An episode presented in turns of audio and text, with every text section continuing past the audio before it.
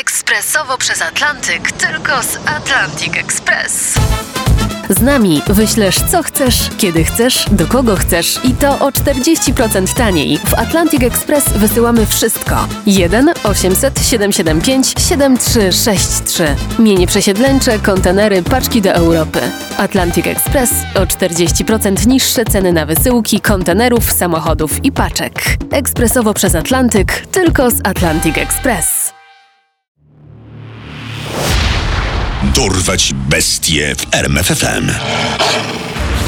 Imię i nazwisko. Juana Barasa Samperio. Pseudonim. Morderczyni staruszek. Liczba ofiar. Od 16 do nawet 70. Skazana na 759 lat więzienia. Obecne miejsce pobytu. Więzienie Santa Marta Acatitla w Meksyku.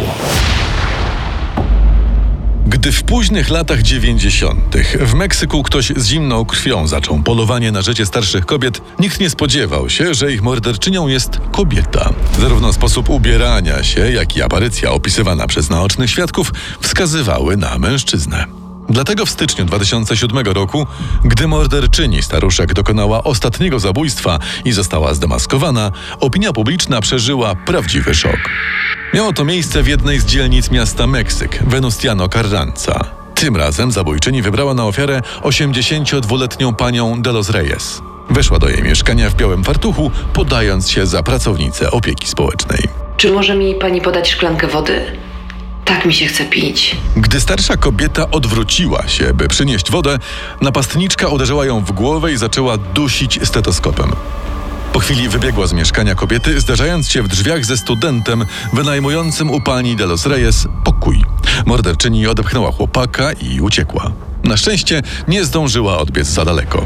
Zaalarmowani przez studenta policjanci schwytali ją kilka bloków dalej. Okazało się, że schwytana to Juana Barrasa Samperio. 50-letnia była zapaśniczka walcząca pod pseudonimem La Dama del Silencio. Cicha dama.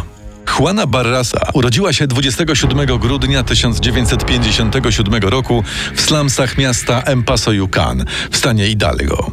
Jej dzieciństwo nie należało do siedankowych. Ojca prawdopodobnie nie znała. Matka natomiast była alkoholiczką. Gdy Juana skończyła 12 lat, jej matka dokonała szokującej transakcji z sąsiadem. Dobra, daj mi za nią trzy piwa, a jak chcesz, to ją bierz. Możesz z nią sobie zrobić, co tylko cię spodoba. Od tej pory, sprzedana przez matkę za trzy puszki alkoholu, Juana mieszkała z sąsiadem. Mężczyzna bił ją i gwałcił, a nierzadko wypożyczał także swoim kolegom, z którymi organizował libację. Gdy Juana skończyła raptem 14 lat, urodziła swoje pierwsze dziecko syna. Sumie doczekała się czwórki dzieci, każde z innego ojca. Mężczyzn łączyło jedno, żaden z nich nie interesował się swoim dzieckiem. Juana próbowała odmienić swój los i wyrwać się ze slumsów. Sposobem na to miała być kariera zapaśniczki, lucha libre, meksykańskiej, bardzo popularnej odmiany wrestlingu. Zawodnicy lucha libre dzielą się na dwie grupy: przestrzegających reguł, w tym gry fair play, tzw. Tak technikos, oraz rudos, złych, tych, którzy używają niedozwolonych chwytów i potrafią zadać nieregulaminowy cios, gdy tylko sędzia nie patrzy. Barrasa należała właśnie do tych drugich. Rudos wykorzystywała swoje warunki fizyczne, silną, atletyczną posturę i walczyła do upadłego, zarabiając w ten sposób na życie swoje oraz swoich dzieci. Jednak, choć menedżer zapaśników dostrzegł w niej talent, Juana z nie do końca jasnych przyczyn zrezygnowała z kariery. Zaczęła sprzedawać popcorn na zawodach. W tym samym mniej więcej czasie zmarła jej matka. A Barasa zaczęła zabijać starsze kobiety. Po aresztowaniu tłumaczyła. Póki matka żyła, czekałam na jedno słowo. Przepraszam. Ale się nie doczekałam. W tych wszystkich zabijanych kobietach widziałam moją matkę. W ten sposób wyrażałam swoją nienawiść do niej za to, co mi zrobiła. Juana Barrasa nigdy nie nauczyła się czytać ani pisać. Twierdzi też, że ani razu w życiu nie zapłakała. Nawet na pogrzebie najstarszego syna, którego w połowie lat 90. zabili bandyci. Życie nauczyło ją, by być twardą. Kiedy zaczęła zabijać? Tak naprawdę nie wiadomo. Po aresztowaniu co róż zmieniała zeznania. Do ofiar Meksykanki należały kobiety w wieku od 60 do 90 lat. Większość z nich żyła samotnie. Śledczy podejrzewali, że zdobywała ich zaufanie, podając je za pracownicę pomocy społecznej lub za osobę, która może im zaoferować pomoc w domu. Bernardo Batis, prokurator miasta Meksyk, który próbował schwytać mordercę staruszek, zakładał, że napastnik musi być nadzwyczaj inteligentny. Myślę, że to ktoś, kto ma wręcz genialny umysł. Jest jednocześnie sprytny i ostrożny. Zdobywa zaufanie, a w następnej chwili zadaje śmiertelny cios. Ten śmiertelny cios w wykonaniu morderczyni był poprzedzony swoistym atakiem szału. Barrasa katowała swoje ofiary, dusząc je czym popadło paskiem, kablem od telefonu, rajstopami albo poduszką. Nie przestawała się nad nimi znęcać, nawet gdy już były martwe. Następnie zabierała z mieszkania znalezione tam dewocjonalia, krzyżyki, święte obrazki, różańce, figurki Matki Boskiej. Trzymała je w specjalnym pokoju i traktowała jak trofea. Nigdy nie kradła pieniędzy, nawet gdy na wierzchu leżały duże sumy czy portfele zamordowanych kobiet. Kradzieże religijnych artefaktów spowodowały, że policja przez długi czas myślała, że być może za mordami starszych pań stoi jakaś religijna sekta. Rozważano też, czy zabójca jest jeden, a może dwóch lub więcej. Rozpatrywano jeszcze jeden wątek, który, choć interesujący, skierował śledztwo na manowce. W domach kilku ofiar znaleźliśmy reprodukcję XVIII-wiecznego obrazu francuskiego malarza Jean-Baptiste Gruza, chłopiec w czerwonej kamizelce. Ten trop nie doprowadził meksykańskiej policji do przełomu. Zresztą przez długi czas w ogóle nie była ona specjalnie zainteresowana wszczęciem śledztwa. Niemal wszystkie siły organy ścigania włożyły w morderstwa młodych kobiet w Ciudad Juarez. Dopiero protesty mediów, a szczególnie feminizujących dziennikarek, które zarzucały policjantom seksizm, spowodowały, że powołano specjalny zespół do wykrycia sprawcy czy też sprawców zabójstw starszych kobiet. W ówczesnej prasie z oburzeniem i ironią pisano.